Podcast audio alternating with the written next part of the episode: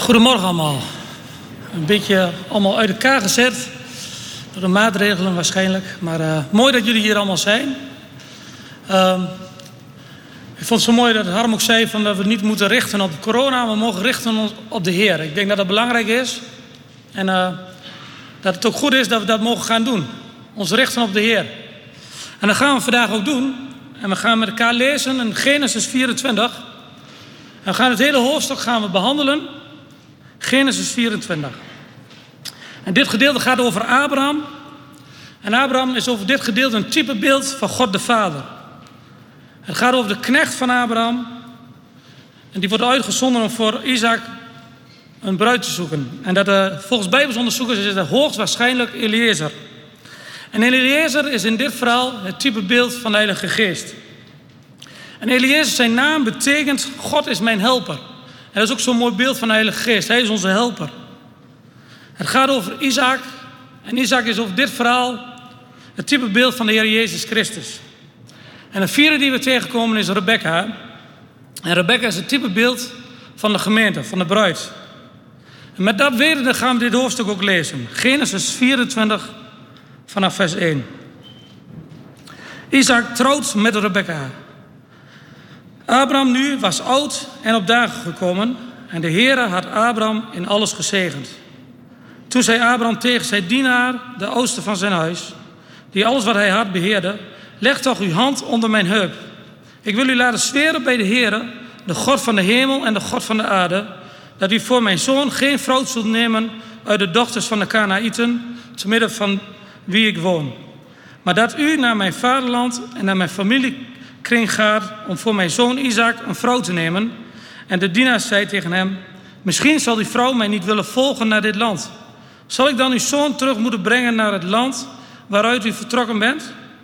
Abraham zei tegen hem, wees op uw hoede dat u mijn zoon daar niet terugbrengt. De Heere, de God van de hemel, die mij uit mijn familie en uit mijn geboorteland weggehaald heeft, die tot mij gesproken heeft en die mij gezworen heeft, aan uw nageslacht zal ik dit land geven.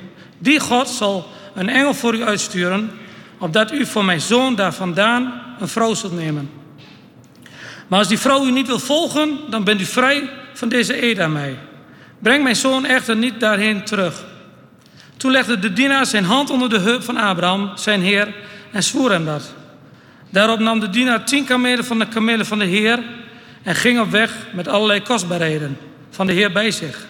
Zo stond hij op en hij ging naar Mesopotamië, naar de stad van Nagor. Buiten die stad liet hij de kamelen neerknielen bij een waterput, tegen de avond, tegen de tijd waarop de vrouwen komen waterputten. Toen zei hij, Heere, God van mijn heer Abraham, laat het mij vandaag toch gebeuren en bewijs uw goede tierenheid aan Abraham mijn heer. Zie, ik sta bij deze waterbron en de dochters van de mannen van de stad komen om water te putten.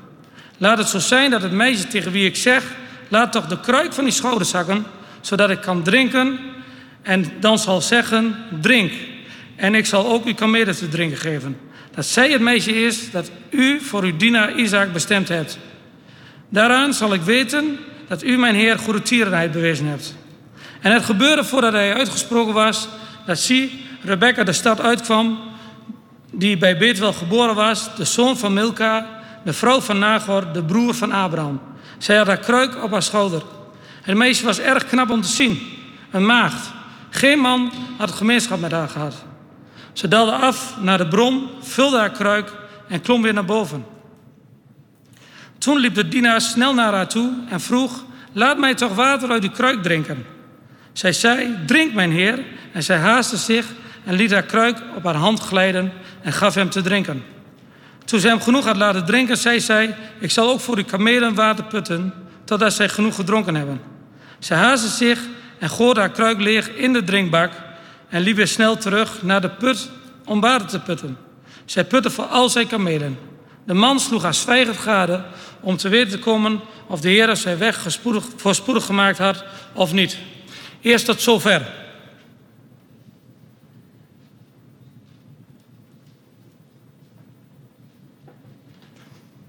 Nou, Eliezer die wordt uitgezonden om voor Abraham een bruid te zoeken. En wat opvalt is dat Eliezer komt met allemaal kostbaarheden. Het zijn de kostbaarheden die meegenomen worden. En het zijn, de kostbaarheden van de Vader.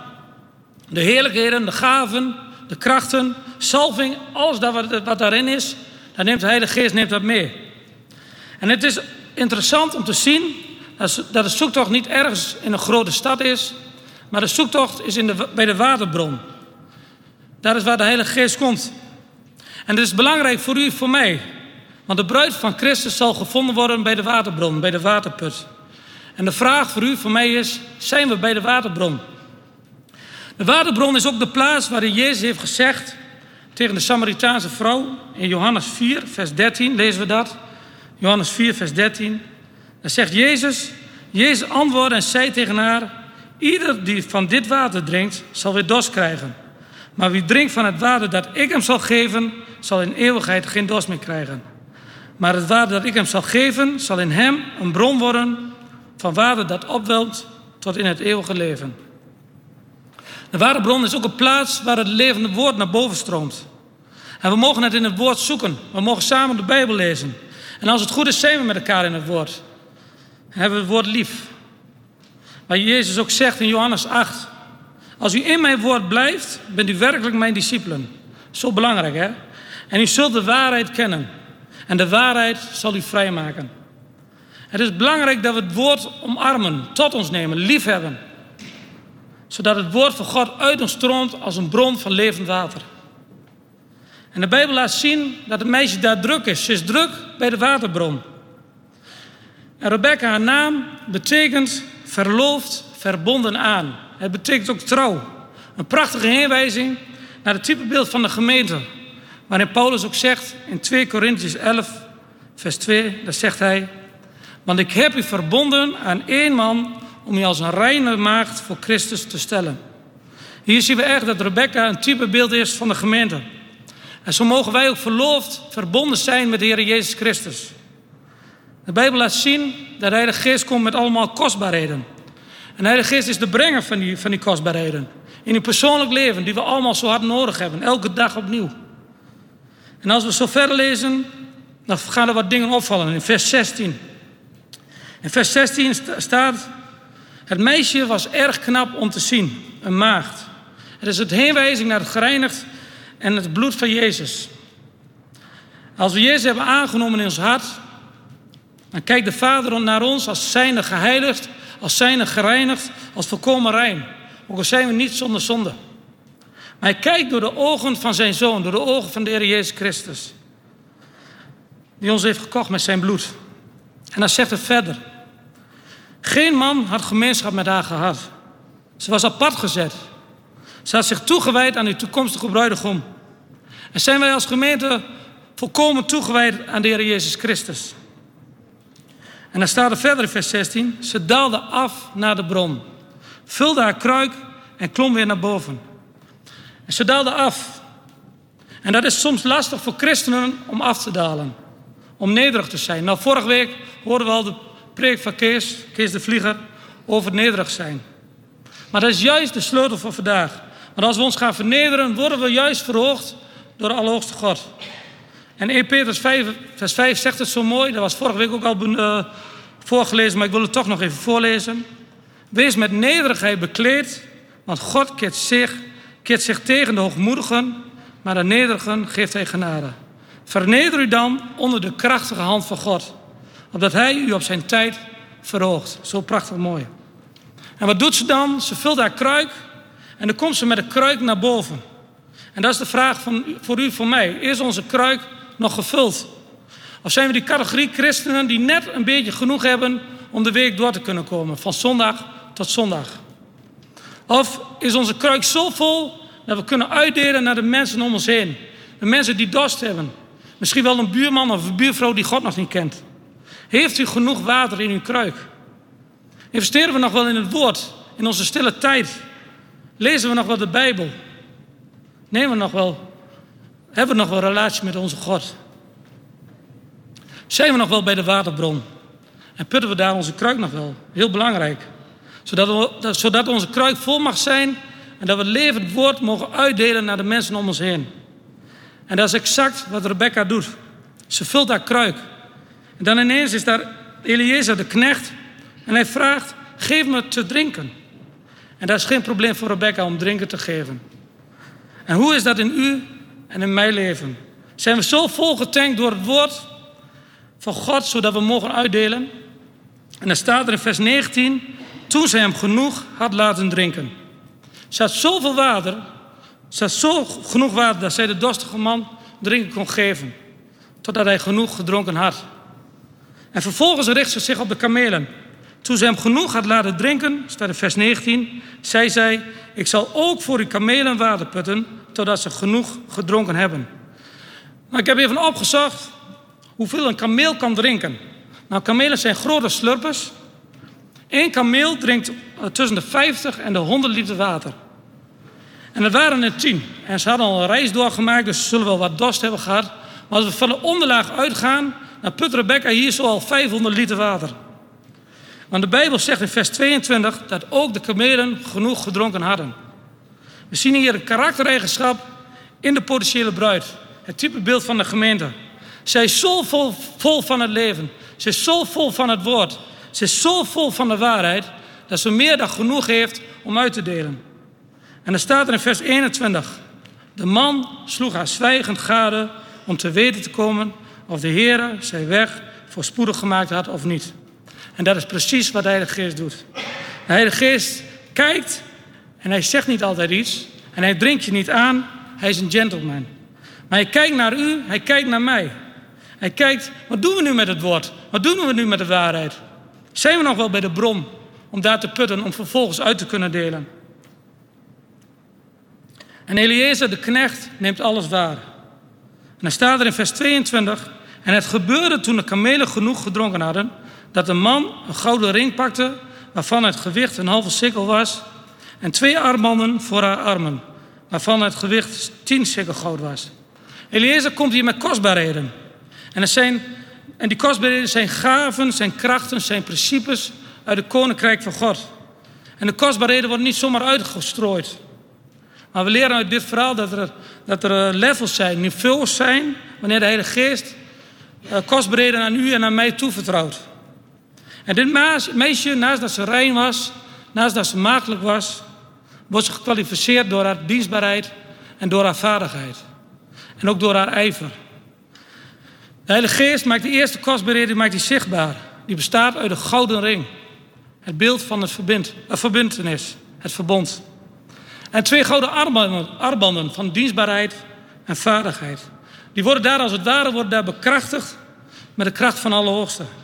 En zo kijkt de Heilige Geest naar u, hij kijkt naar mij, hij kijkt naar onze vaardigheid, hij kijkt naar onze dienstbaarheid. Hij kijkt of u ijver bent. En hij wil u bevestigen met de kracht van alle hoogste. Hij wil uw handen salven om vaardig te blijven. Hij wil uw handen maken tot, tot een verlengstuk van zijn handen. De Heilige Geest is de plaatsvervanger van de Heer Jezus Christus. En hij heeft geen lichaam. Daarom zijn wij ook zijn handen en zijn wij ook zijn voeten. Hij zoekt uw handen, hij zoekt uw voeten, hij zoekt uw mond.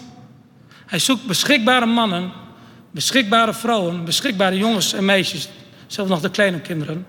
Hij zoekt ze allemaal, die dienstbaar willen zijn in het koninkrijk van God. En dan lezen we verder in vers 23. En hij vroeg, van wie bent u een dochter? Vertel het mij toch. Is er in het huis van uw vader plaats voor ons om te overnachten? Nou, Eliezer komt hier met twee vragen. De eerste vraag is, van wie bent u een dochter? En zij zei tegen hem, ik ben de dochter van Betuel, de zoon van Milka, die zijn Nagor gebaard heeft. En in mijn voorbereiding was ik hiermee bezig. En ik vroeg aan de Heer, ik zeg, wat, wilt u hier nu mee zeggen? En de Heer zegt, kijk naar de namen. En ik keek naar de namen en toen, als we dan dieper gaan kijken naar die namen, heeft dat een prachtige betekenis. Betuel betekent huis van God. En Milka betekent koningin. En Nagor betekent briesen. En briesen is als het ware snuivend, hoorbaar ademen. En eigenlijk zegt Rebecca, zegt ze hier, ik kom uit het huis van God. Ik ben een koningskind en ik mag het hoorbaar ademen. Ik mag het doorleven. Ik mag het laten zien aan de mensen om mij heen. Zo prachtig mooi. En de tweede vraag die ze stelt, is er in het huis van uw vader plaats voor ons om te overnachten? De Heilige Geest vraagt, mag ik bij je komen? Mag ik in je privé komen? Mag ik in je komen wonen? Wat een diepe vraag voor u, voor mij. Mag de Heilige Geest in je komen wonen? Is er een open hart? Is hij welkom?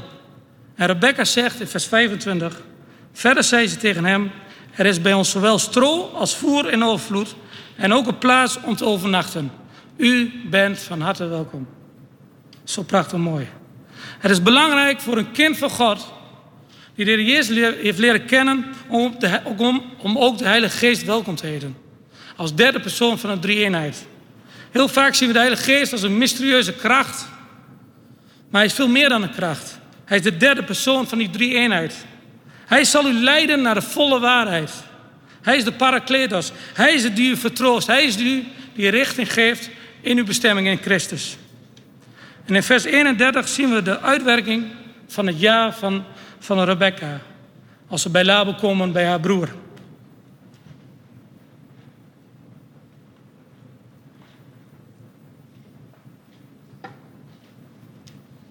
Hij zei, kom binnen, u die door de Heere gezegend bent. Waarom zult u buiten blijven staan? Terwijl ik het huis in gereedheid heb gebracht. Evenals een plaats voor, de kamelen. Toen ging die man mee naar het huis. Ik vind dit zo mooi. Toen ging de man mee naar het huis. De Heilige Geest komt in een huis waar hij welkom is. En misschien bent u hier vandaag en heeft u de Heer Jezus aangenomen in je hart, maar de Heilige Geest is nog nooit in uw huis komen wonen omdat hij nog nooit gevraagd heeft aan God: Heere God, geef me uw Heilige Geest. En dan mag het vandaag de dag zijn dat je mag gaan besluiten. Want de Heilige Geest wil juist in je komen wonen. Hij wil je brengen naar de volle waarheid. Hij wil je brengen naar de Zoon. Hij wil je brengen naar de Vader. En als we dan verder lezen, dan is daar een tafel bereid. En Laban nodigt uh, Eliezer uit om, om aan een maaltijd te gaan. Om aan de tafel te gaan. En dan lezen we in vers 33. Daarna werd hem eten voorgezet. Maar hij zei, ik zal niet eten voordat ik mijn woorden gesproken heb. Laban zei, spreek. De Heilige Geest wil eerst iets delen voordat hij aan tafel gaat. Hij gaat eerst alles vertellen over Abraham en over Isaac. Hij gaat vertellen hoe Isaac op een wonderbaarlijke wijze geboren wordt. En dat hij geboren is uit de belofte. Hij vertelt over de geweldige zegen die er ligt op Abraham. En dat is exact wat de Heilige Geest doet. Hij verkondigt de, waarheid van de Vader. Hij verkondigt de liefde van de Zoon. En dat is als het ware wat hij presenteert voordat hij maaltijd houdt. En dat is wat de Heilige Geest doet. En dat kan hij als geen ander. Omdat hij de Vader en de Zoon kent, ook als geen ander. De Heilige Geest is er altijd, altijd om de Heer Jezus te verheerlijken. En als, als, als dat allemaal verkondigd is, dan komt er een vraag in vers 49. Wel nu, als u mijn Heer goede tierenheid en trouw wilt bewijzen, vertel het mij. En zo niet, vertel het mij ook. Dan kan ik mij naar rechts of naar links wenden. Nou, eigenlijk legt de Heilige Geest hier de vraag voor van accepteer je nu wat ik net heb gedeeld? Aanvaard je dat? En dat is de vraag waar de Heilige Geest altijd mee komt. Aanvaard je de liefde van de Vader? Aanvaard je het verlossende werk van Jezus Christus? Door wat Hij heeft gedaan op Golgotha, aanvaard je dat? En Laban en Betuel antwoorden, dit komt bij de Heer vandaan. Wij kunnen tegen u niets meer ten kwade of ten goede zeggen. Zie, Rebecca staat voor u, neem haar mee en ga heen. Laat zij de vrouw van de zoon van uw Heer worden, zoals de Heer gesproken heeft. En het gebeurde toen de dienaar van Abraham hun woorden hoorde dat hij zich ter aarde neerboog voor de Heer. Daarna haalde de dienaar zilveren en gouden sieraden tevoorschijn en kledingstukken en gaf die aan Rebecca. Hier zien we opnieuw dat de Heilige Geest komt met kostbaarheden. Kostbaarheden wanneer het ja klinkt. Wanneer het klinkt van ik wil u volgen, ik wil dienstbaar zijn. En zijn wij beschikbaar en dienstbaar voor het koninkrijk van God. De eerste kostbaarheden bestonden uit de ring. Het teken van het verbond. En de armbanden van dienstbaarheid en vaardigheid. Maar hier komen diepere kostbaarheden tevoorschijn. Hier wordt gesproken over zilveren en gouden sieraden. En zilver is het beeld, het heenwijzing naar de verlossing. Het verlossingswerk van de Heer Jezus. En gouden sieraden, goud is het beeld van de heerlijkheid en de glorie van God. Dus hier worden de diepten van de verlossing en de diepte van Gods glorie wordt hier zichtbaar.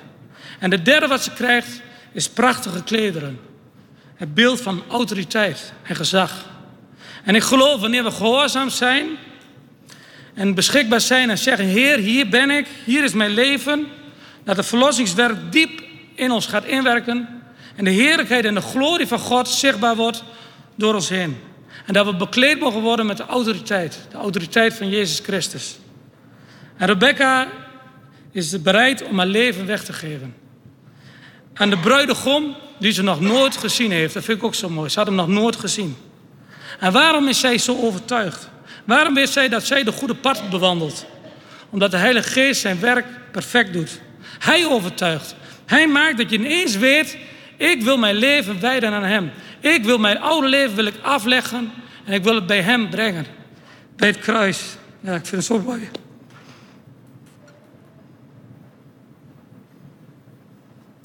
Alles wat ik heb, mijn oude leven, wil ik afleggen. En ik wil het aan Hem brengen. Om bij Jezus te zijn. En er volgde nacht. En dan komt de volgende morgen. Vers 54. Toen aten en dronken zij.